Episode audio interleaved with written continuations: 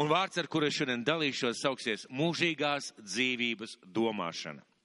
Un es ļoti aicinu jūs, paņemiet savus bībeles, paņemiet savus bībeles, atšķiriet lūdzu, lūdzu vaļā savus pierakstu klādes, sagatavojam rakstāmos.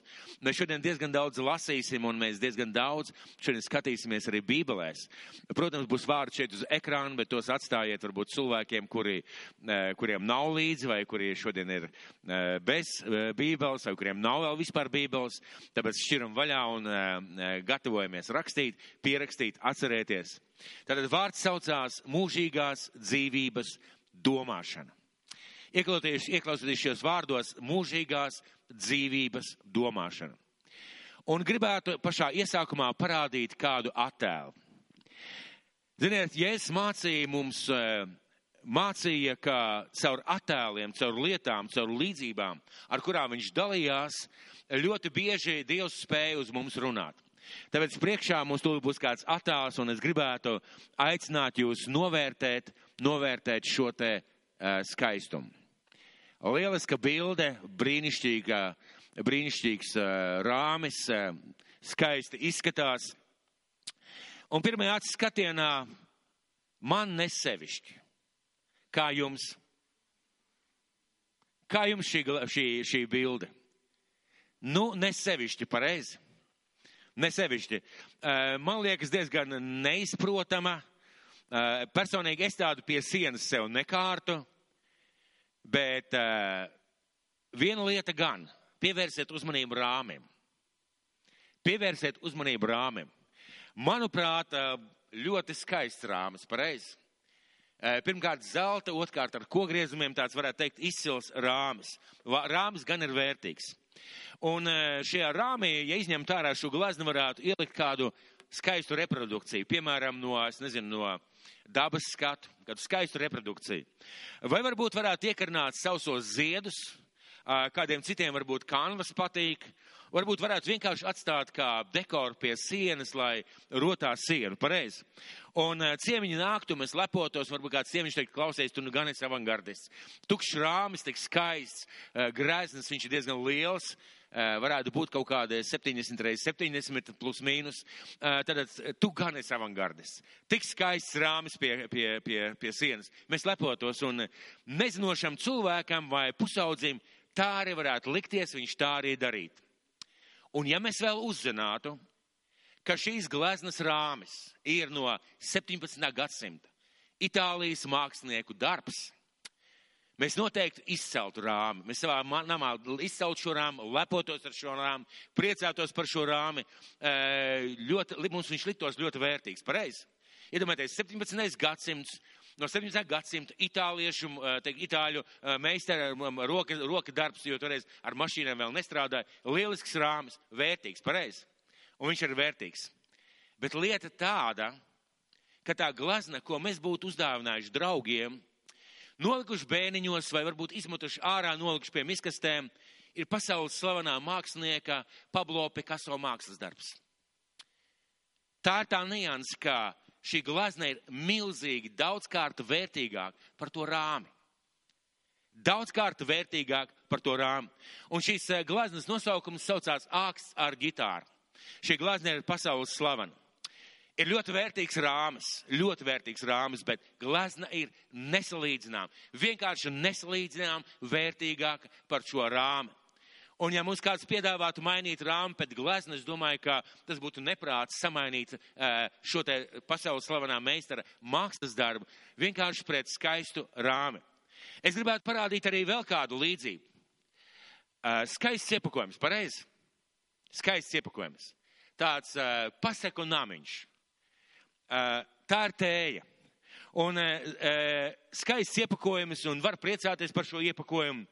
Un mazs bērns vai pusaudzis, viņš noteikti, ja viņam patikt šī mājiņa, viņš noteikti pat nedomā taisīt vaļā. Viņš vienkārši noliktu mājās, varbūt spēlētos ar lēlēm, varbūt uzzīmēt, varbūt viņam tur kaķītis sēdētu uz jumta, varbūt tur kāds, kāds kociņš blakus šim te kastītei augtu. Bet sakiet, kas ir vērtīgāks? Kas ir vērtīgāks? Tas iepakojums vai tas, kas tur ir iekšā? Kā jūs domājat? Saturs. Kā, Kā labā ir šis te iepakojums uztaisīts? Iepakojums uztaisīts priekš satura. Nevis saturs priekš iepakojumu. Noliksim šo kastīti šeit, lai mums visiem tā skaisti acu priekšā. Tātad saturs dod vērtību tam, kas ir apkārt. Kāpēc šie piemēri? Kāpēc šie piemēri? Paturiet prātā šos piemērus. Un es gribētu mūs šodien vest Bībelē uz pirmo vēstuli korintiešiem 15. nodaļu no 12. līdz 13. pantam. Pirmā vēstule korintiešiem 15. nodaļa no 12. līdz 13. pantam. Un kamēr jūs meklējat, es gribētu nedaudz pakomentēt šos te Bībeles pantus. Korintiešu draudzē bija cilvēki, kas mācīja, ka nebūs mirušo augšām celšanās ka ticībā uz Kristu mēs iemantojam Dievu labvēlību tikai šeit uz zemes un šobrīd un šeit šajā savā dzīvē. Un ka tas viss, un ko mēs varam izbaudīt, viss tas labais, ko mēs varam piedzīvot, ir tikai mūsu dzīves laikā. Tāpēc jādzīvo tagad, šeit un tūlīt, un jādzīvo tā, lai tev būtu labi. Šie draudzi bija kā cilvēki, kas runāja, ka nav, nebija un nebūs miruši augšām celšanās, bet paldies Dievam par Dievu žēlstību. Dievs mūs mīl, Dievs mūs svētī, Dievs mūs palīdz, Dievs ir kopā ar mums. Paldies Dievam par to. Bet lasīsim tagad pirmo vēstuli korintiešiem, 15. nodaļu, no 12. līdz 19. pantam. Ja tad par Kristu sludina, un Pāvils svēta gara vadīts raksta šiem cilvēkiem un raksta arī mums, Ja tad par Kristu sludina, ka viņš ir augšām cēlies no miroņiem, kā tad daži jūs starpā saka, ka nesot miroņu augšām celšanās? Ja nav miroņu augšām celšanās, tad arī Kristus nav augšām cēlies. Un ja Kristus nav augšām cēlies, tad veltīga ir mūsu sludināšana un arī veltīga jūsu ticība. Tad jau mēs būtu Dieva viltus liecinieki, jo mēs esam liecinājuši pret Dievu, ka Viņš ir Kristu uzmodinājis, bet Viņš to nebūtu uzmodinājis, ja jau nav miroņu augšām celšanās. Jo, ja mirušie netiek, netiek uzmodināti, tad arī Kristus nav uzmodināts. Un ja Kristus nav uzmodināts, tad veltīga ir jūsu ticība, tad jūs vēl esat savos grēkos tad arī tie ir pazuduši, kas Kristu aizmiguši. Un šis ārkārtīgi svarīgais 19. pants. Ja mēs tikai šī dzīvē vien ceram uz Kristu, tad esam visnožēlojamākie cilvēki. Ja mēs tikai šī dzīvē vien ceram uz Kristu, tad esam visnožēlojamākie cilvēki. Daudziem kristiešiem mūžīgā dzīvība, ja mūžīgā dzīvošana ir kā migla, kas kaut kur tālumā, tālā, neskaidrā nākotnē. Tāla, nereāla, nesaprotama, kas to lai zina. Un varbūt es sākšu domāt par mūžīgo dzīvību tikai tad, kad man jau uh, tuvosies 90 un 80 vai 95 gadi, un kad jau skaidrs, ka savā dzīvē īpaši daudz neko nevar piedzīvot. Un, mīļie draugi, tāda domāšana vai tāda saprašana ir bīstama. Man ļoti interesē Eh, ja patīk šis vārds, ko šajā vietā Pāvils lieto, ja mēs tikai šajā dzīvē vien ceram uz Kristu. Un ko mēs šajā dzīvē ceram? Mēs ceram, ka Viņš mūs svētīs, ka Viņš mūs palīdzēs, ka Viņš mūs aizsargās, ka Viņš būs kopā ar mums, ka Viņš mūs dos, ka Viņš mūs izvedīs, ka Viņš mūs uh, palīdzēs. Visās lietās šajā dzīvē mēs to ceram un mēs pareizi ceram. Bet Pāvils saka, ja mēs tikai uz to ceram, ko mēs piedzīvosim savā dzīvē, tad esam visnožēlojamākie cilvēki. Un padomājiet, Pāvils, svētā gara vadīts, patiesībā svētais gars ar Pāvilu saka, ja tu ceri uz Dievu tikai šeit, šajā dzīvē, tu esi visnožēlojamākais cilvēks. Kāpēc? Kāpēc? Kāpēc tā? Jo, ja cilvēks domā, ka viss ir tikai šajā dzīvē, visas viņa izvēles būs par šodien. Visas viņa izvēles būs par šodien.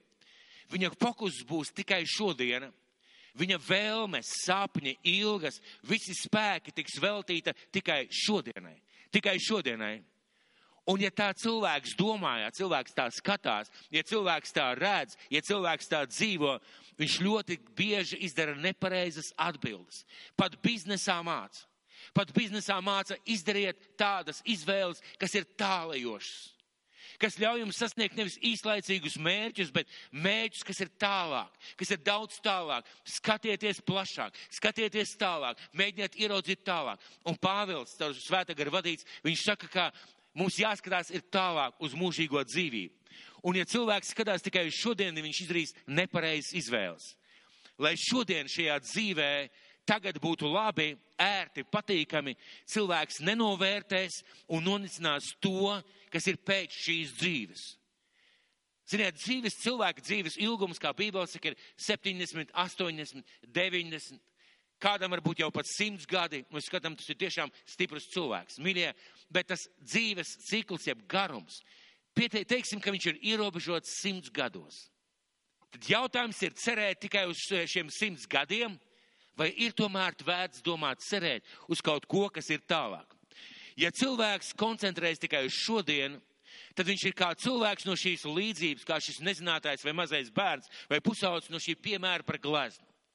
Mēs tiešām varētu, ja mums uzdāvināt kādu šo gleznu, mēs rāmi ārā neizmestu. Mēs ārā, rāmi ārā neizmestu, mēs tiešām viņu noliktu, bet gleznu ļoti iespējams mēs izmestu ārā. Uzdāvinātu draugiem atdot kādiem, kādā Lombardā vai izsolē, vai es nezinu, otrajā elpā vai labdarības veikalā, un mēs palaistu garām kaut ko nenovērtējam vērtīgi. Vai arī, ja cilvēks domā tā kā, tā kā tikai uz šodien dienu, viņš ir līdzīgs cilvēkam, kurš skatās tikai uz iepakojumu. Tikai uz iepakojumu, tā tad rekas skaists iepakojums un pat nedomā, kas ir iekšā. Ja cilvēks tā dara, viņš ļauj sabojāties tam, kas ir iekšā. Viņš ļauj sabojāties tam, kas ir iekšā, un tā arī nepiedzīvo to, ko viņš varētu piedzīvot, baudot no tā. Mīļie draugi, un kāpēc tas ir svarīgi? Skaidroju par to, kas nākotnē, jeb mūžībā, mūs sagaida ka svētais gars vada Pāvilu runāt par to. Un svētais gars ar Pāvilu raksta mums tālāk no 20. 20. panta šajā pašā nodaļā. Bet nu Kristus. Sāksim atkal ar 19. pantu. Ja mēs tikai šī dzīvē vien ceram uz Kristu, tad esam visnožēlojamākie cilvēki. Bet nu Kristus ir uzmodināts no miroņiem. Viņš kā pirmais no mirušajiem. Jo kā caur cilvēku nāve, tā arī caur cilvēku miroņu augšām celšanās. Jo kā Ādamā visi mirst, tāpat arī Kristu visi tiks darīti dzīvi. Bet tik viens savā kārtā. Vispirms Kristus, pēc tam tie, kas Kristum piedar viņa atnākšanas dienā, un tad nāk gals, kad viņš nodod valstību Dievam un Tēvam kad viņš būs iznīcinājis katru valdību, vāru un spēku. Jo viņam vajag valdīt tiekams, viņš noliek visus ienaidniekus sev apakškājām. Kā pēdējais ienaidnieks tiks iznīcināts nāve. Jo tas viņam visu ir nodevis apakš viņa kājām, bet, kad saka, viss viņam nodots, tad, protams, izņemot vi, to, kas viņam visu nodevis. Bet, kad viņam viss būs nodots, tad arī dēls pats pakļausies tam, kas viņam visu nodevis, lai Dievs būtu viss iekš visa. Lai Dievs būtu viss iekš visa. Bet kā tas notiks? Kā tas notiks? Un Pāvils tad saka tālāk, 29. pantā, ko tad darīs tie, kas liekas kristīties par mirušajiem? Ja jau mirušie augšām necelsies, Kam tad kristīties par viņiem? Un tālāk Pāvils runā par sevi, par savu dzīvesveidu. Un viņš min kādus argumentus, un lūk, viņš saka, e, kādēļ arī mēs uh, ik brīdi esam briesmās. Viņš uzdod jautājumu, ja mirušie neceļās augšā, tad ko es vispār šeit daru? Ja jūs sakat, ka mirušie neceļās augšā, tad kāpēc es vispār cīnos? Jā, es zinu, ka mirušie ceļās augšā, bet kāpēc tad es vispār cīnos? Un 30. pantā, kādēļ arī mēs ik brīdi esam briesmās? Es mirstu ikdienas, tik tiešām, ka jūs, brāļi, esat mans gods Kristu Jēzu, mūsu kungā. Ja es tikai mirstīgs cilvēks, tikai mirstīgs cilvēks, nevis mūžīgs, būdams Efezā cīnījos ar plēsīgiem zvēriem, kāds labums man tur būtu? Ja mirušie neceļās augšā, tad ēdīsim un dzersim, jo rīt mēs mirsim. Tad ēdīsim un dzersim un rīt mēs mirsim. Un Pāvils runā par sevi, viņš saka, mīļie, skatoties uz manu dzīvi, jūs varat saprast, ka es ne tikai ticu, bet es arī zinu. Es arī zinu, ka Kristus cēlās augšā, jo, Jēzus, jo, jo Pāvils satika Jēzu. Jēzus satika Pāvilu un Pāvils satika Jēzu savā dzīvē, reāli. Viņš redzēja Jēzu augšām celšo un viņš saka, jūs sakat, ka nav mirušo augšām celšanās, es viņu esmu redzējis.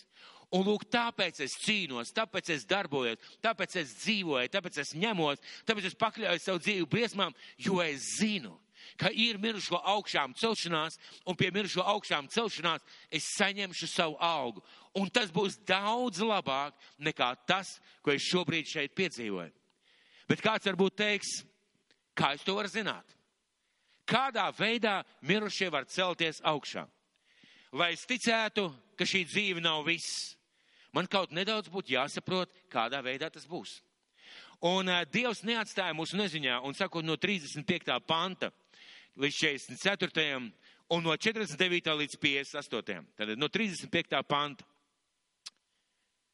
Bet varbūt kāds sacīs, kā tad mirušie uzcelsies, kādā miesā tie nāks. Un mūsu dabiskā saprašana liek mums domāt, ka tas uh, cilvēks, kas tiek apglabāts, viņš nevar vairs celties augšā. Un šeit arī tāds jautājums, un Pāvils skaidro.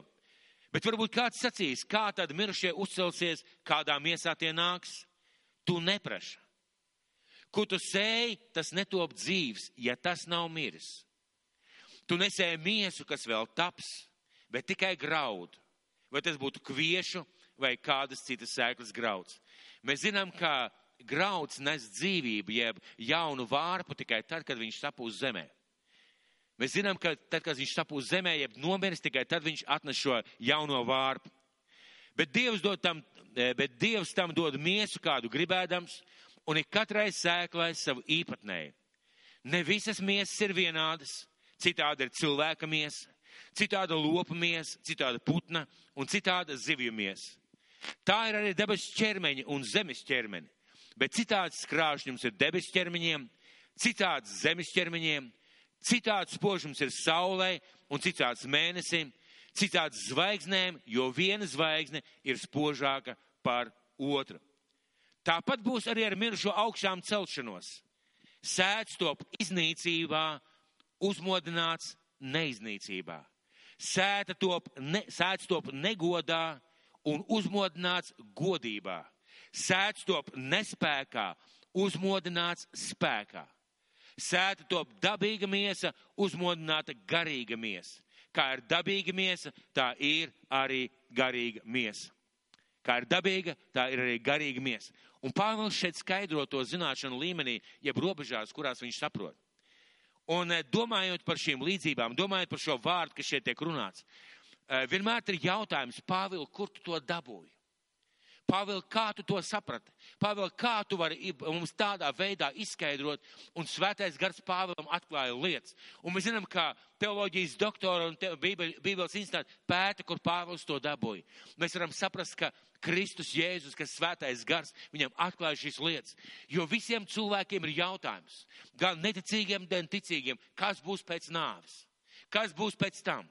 Ir ļoti daudz cilvēku, kas vienkārši par to nedomā, drāžās pa savu dzīvi un saka tā, kad pienāks laiks, tad domāšu.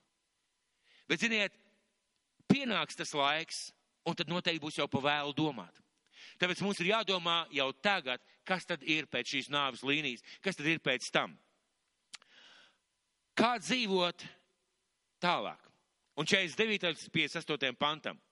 No 49. līdz 58. pantam ir turpinājums. Un tāpat kā mēs esam nesuši zemes cilvēka ģīmi, tā arī nesīsim tā ģīmi, kas no debesīm.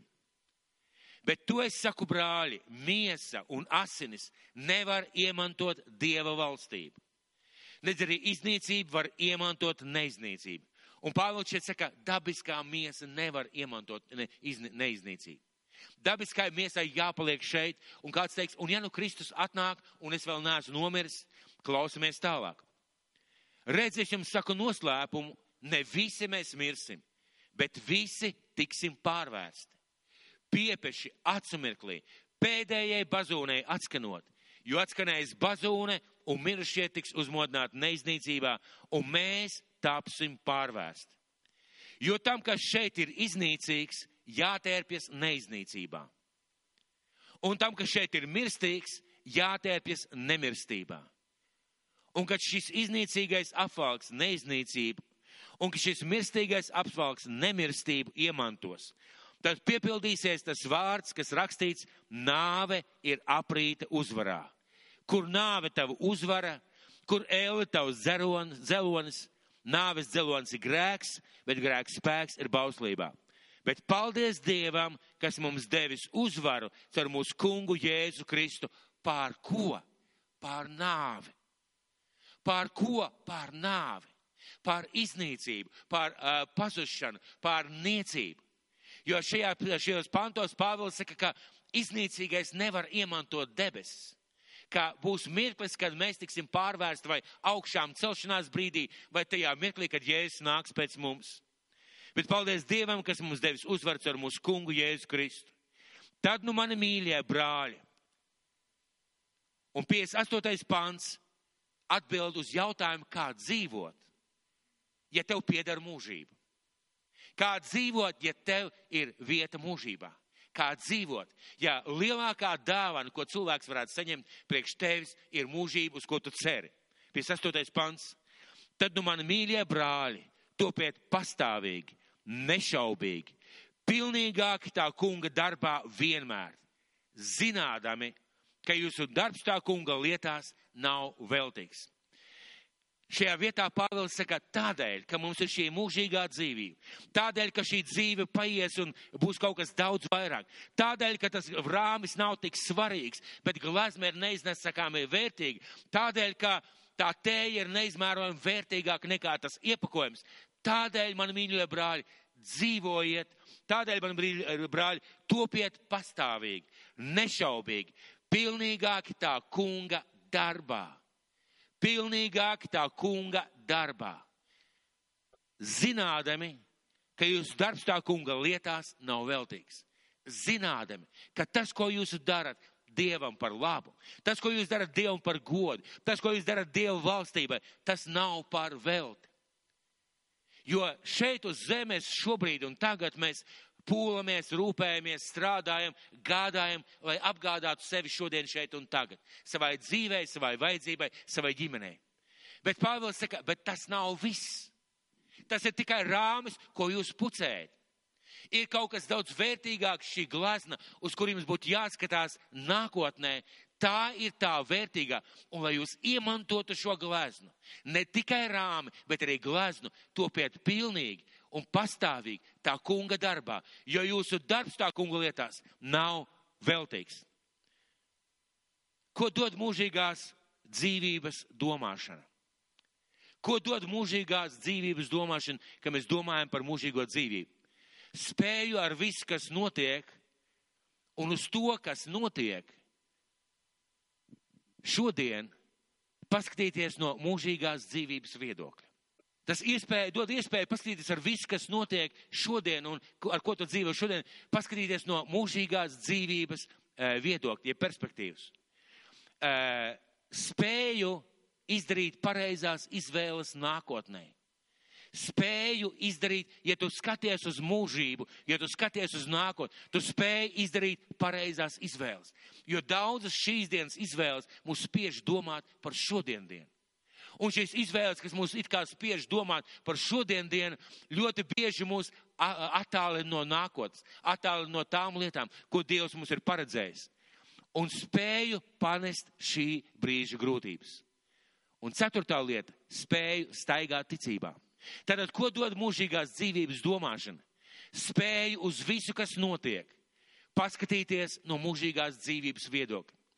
Sakiet man, ja pieņo, piemēram man notika tāda, neliela, tāda ne, ne, neliela ķibele.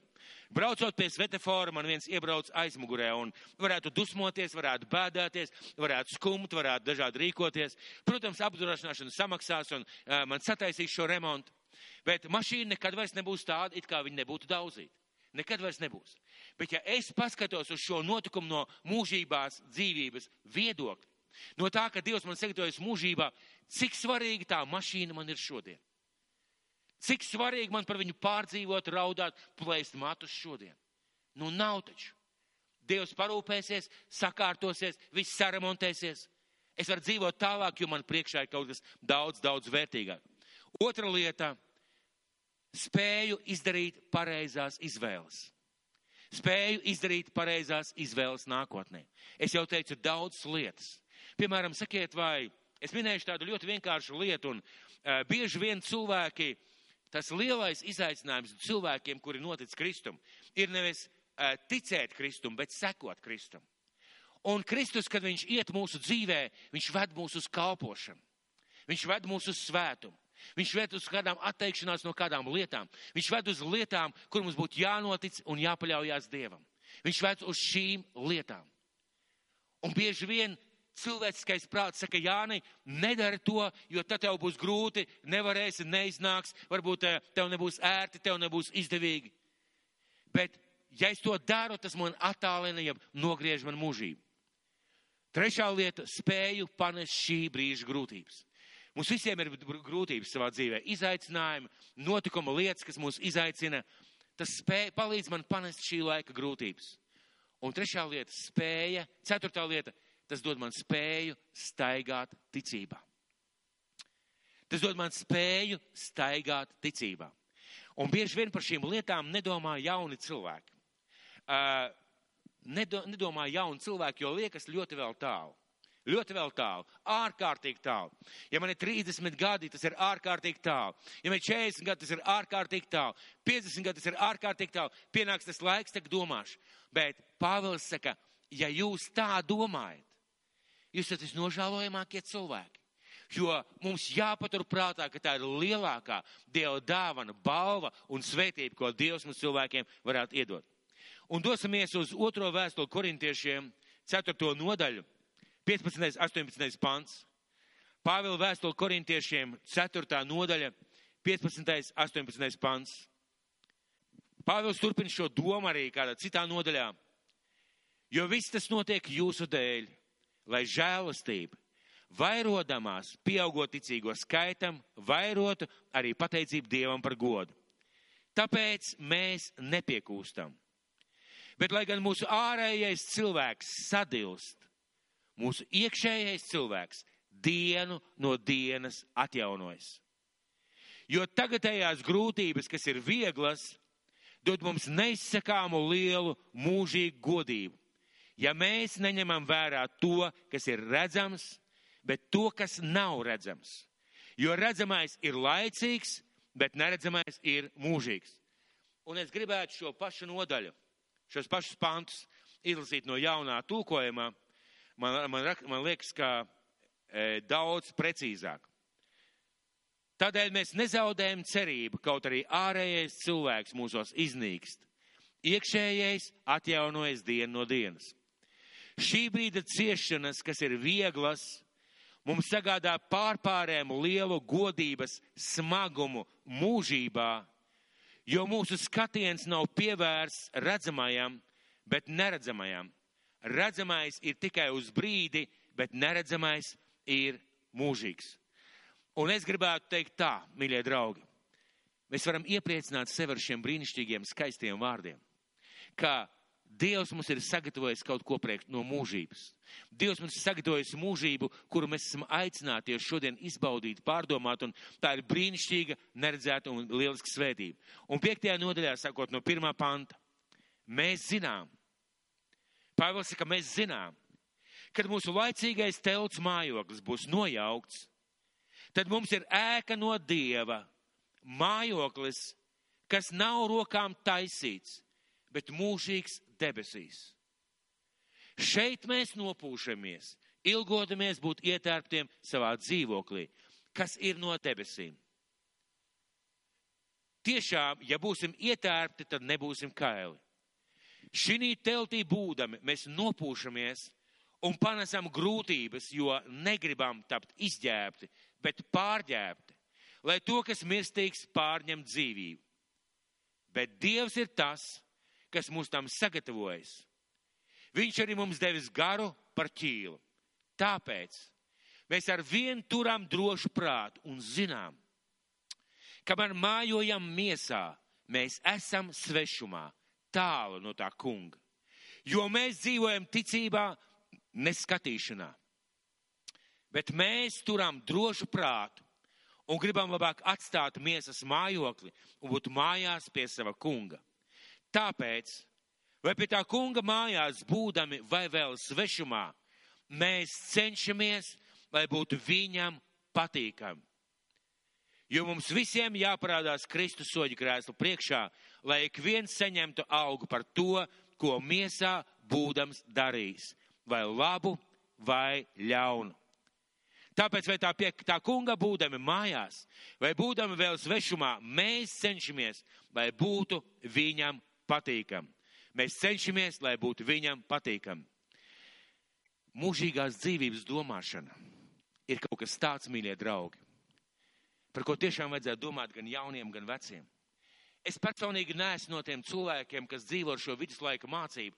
Paciet tagad, vēlāk būs labāk. Tagad tev iet šausmīgi, nekas debesīs tev būs vislabi. Es neesmu šīs mācības piekritējis, jo Dievs mūs tā nemāca. Dievs mūs māca izmantot, iemantot, iegūt, dzīvot tajās svētībās, ko Dievs mums šodien ir paredzējis. Dzīvot ar to skaisto glaznas rāmi, lietām, kas mūsu dzīvē, to, ko mēs redzam, ko mums vajag, uz ko mums Dievs aicina, izbaudīt no tā. Bet tajā pašā laikā Dievs mūs aicina neskatieties tikai uz rāmi. Neskatieties tikai, nedzīvojiet šai dienai. Nedzīvojiet tāpēc, lai šodien tikai būtu. Domājiet par to, kas jūs sagaida priekšā. Jo tās būs citas izvēles, tā būs cita konsekvence, tās būs citas noskaņojums, citas sajūta par nākotni. Un es zinu, ka mums visiem gribās dzīvot labi, brīnišķīgi un skaisti. Un tāpēc tēvs mums arī dod. Vai šodien kāds ir redzējis kaut ko skaistu šeit, šeit apkārt? Vai šodien kāds ir redzējis kaut ko skaistu, par ko sirds priecājās? Nu, droši, nu. Ir kāds redzējis kaut ko skaistu, par ko sirds priecājās? Mēs redzējām Noelu, pareizi. Es redzu šeit diezgan daudz cilvēks, ja personas, par ko es patiesi priecājos. Šodien no rīta četros piecēlēs, es dzeru kafiju pagalmā, skatījos uz ābeli, domāju, skaisti gan tā ābele. Viņa augst starp mājām ierobežot. Priecājos par kafiju, putniņi dziedāja. Braucām uz šejienu, skatījos apkārt notiek. Tik daudz skaista, pareizi. Tik daudz svētību mūsu dzīvē, mūsu ģimenē, alga, finanses, ģimenes, bērni, vecāki, tik daudz labu lietu, vasarā atpūta jūra. Bet Pāvils saka, tas viss ir labi. Jo Pāvils šajā vietā nevienā vietā nesaka, tas ir niecība, tas ir tukšums, bet viņš saka, skatieties ar mūžīgās dzīvības domāšanu uz visām lietām. Un vai tev iet labi, vai tev iet slikti, izdari izvēles, kas ved tevi uz mūžību, kas piepilda tavu mūžības aicinājumu. Un Dievs mūs ir aicinājis dzīvot šajā mūžībā. Un tagad es gribētu vēlreiz vest jūs uz eh, vēst, pirmās vēstules korintiešiem, 15. nodaļas, 19. pantu. Visā tā kontekstā, visā šī pārliecības kontekstā un pierādījuma kontekstā par mūžīgo dzīvību, Pāvils raksta, ja mēs tikai šī dzīvē vien ceram uz Kristu, tad esam visnožēlojamākie cilvēki. Ko svētais gars šajā pantā pasaka? Dzīvot bez skatiena nākotnē uz priekšu, uz svarīgāko, uz vērtīgāko, uz pašu galveno, ko Dievs mums ir dāvājis mūžīgo dzīvību, ir nožēlojami. Ziniet, kāpēc? Tāpēc, ka Kristus ir durvis Kristus nav mērķis. Kristus kā mērķis mums šeit uz dzīves, bet Kristus teica, es esmu durvis, kas med uz mūžīgo dzīvību. Ko tas nozīmē? Tas nozīmē, ka šeit, šajā ierobežotajā pasaulē dzīvojot, mēs piedzīvojam Kristu, mēs caur Kristu varam ieiet mūžīgajā dzīvībā, kur ir daudz plašāk, labāk, skaistāk, brīnišķīgāk. Un eh, tādēļ nedzīvot vai, tā, vai šīs dzīves ceļš zaudēt mūžību ir muļķīgi. Un Pāvils saka, tas ir nožēlam, ja jūs tādā veidā skaties uz šīm lietām. Un ļaujiet man jums pajautāt. Ļauj pajautāt tev, uh, tas, kas skatās mūsu tiešraidē. Kas būs ar tevi pēc desmit gadiem? Kāds teiks, nu, man būs sava ģimene, jo tagad man ir 19 vai 18 gadi. Ļaujiet pajautāt, kas jums pēc, ar jums būs pēc 20 gadiem. Kas būs pēc 30 gadiem? Kas būs pēc 40 gadiem? Kas būs pēc 50 gadiem? Kas būs pēc 60 gadiem, pēc 70 gadiem? Kas būs pēc 80 gadiem? Noēla jau būs vecvecmāmiņa. Bet kas būs ar mums? Kas būs ar mums?